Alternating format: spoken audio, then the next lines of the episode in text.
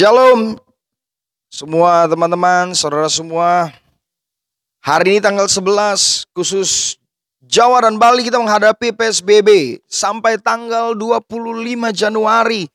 Yang awalnya kita berharap masuk ke 2021 ini kita berharap satu hal yang lebih baik gitu ya saudara. Tetapi ternyata saudara kita mendengar bahwa uh, eh, COVID-19 bisa bermutasi 10 kali lebih cepat. Dan saudara dan saat ini kita mengalami PSBB, baik Jawa dan Bali, tapi satu hal yang saya pegang saudara dan saya rindu juga setiap kita percaya bahwa Tuhan punya rencana yang luar biasa dalam hidup kita. Makanya jangan pernah berjalan sendiri dengan kekuatan kita. Jangan mengandalkan kekuatan kita sendiri atau pikiran kita sendiri. Karena firman Tuhan berkata di Yesaya di Yesaya 55 ayat 8, sebab rancanganku bukanlah rancanganmu dan jalanmu bukanlah jalanku, demikianlah firman Tuhan. Seperti tingginya langit dari bumi, demikianlah tingginya jalanku dari jalanmu dan rancanganku dari rancanganmu. Jadi jangan pernah berjalan dengan pikiran kita sendiri.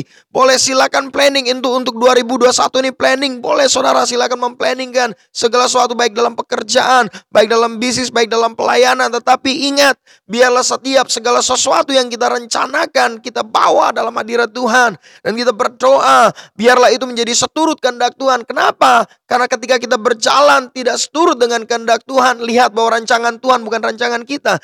Sebagaikan tinggi langit dan bumi. Berbeda sekali apa yang kita harapkan terkadang kenapa kita kecewa dengan harapan kita karena yang kita harapkan tidak sesuai dengan apa yang Tuhan rencanakan dalam hidup kita. Itu yang membuat kita kecewa. Kita kecewa bukan karena Tuhan tidak menolong kita, kita kecewa karena kita tidak mau ikut dalam rencana Tuhan. Kita tidak mau menyerahkan rencana kita di dalam Tuhan sehingga bisa hingga rencana Tuhan yang jadi dalam kehidupan kita. Dan saya percaya bahwa rencana Tuhan atau rancangan Tuhan adalah rancangan yang terbaik buat setiap kita semua. Tuhan Yesus memberkati.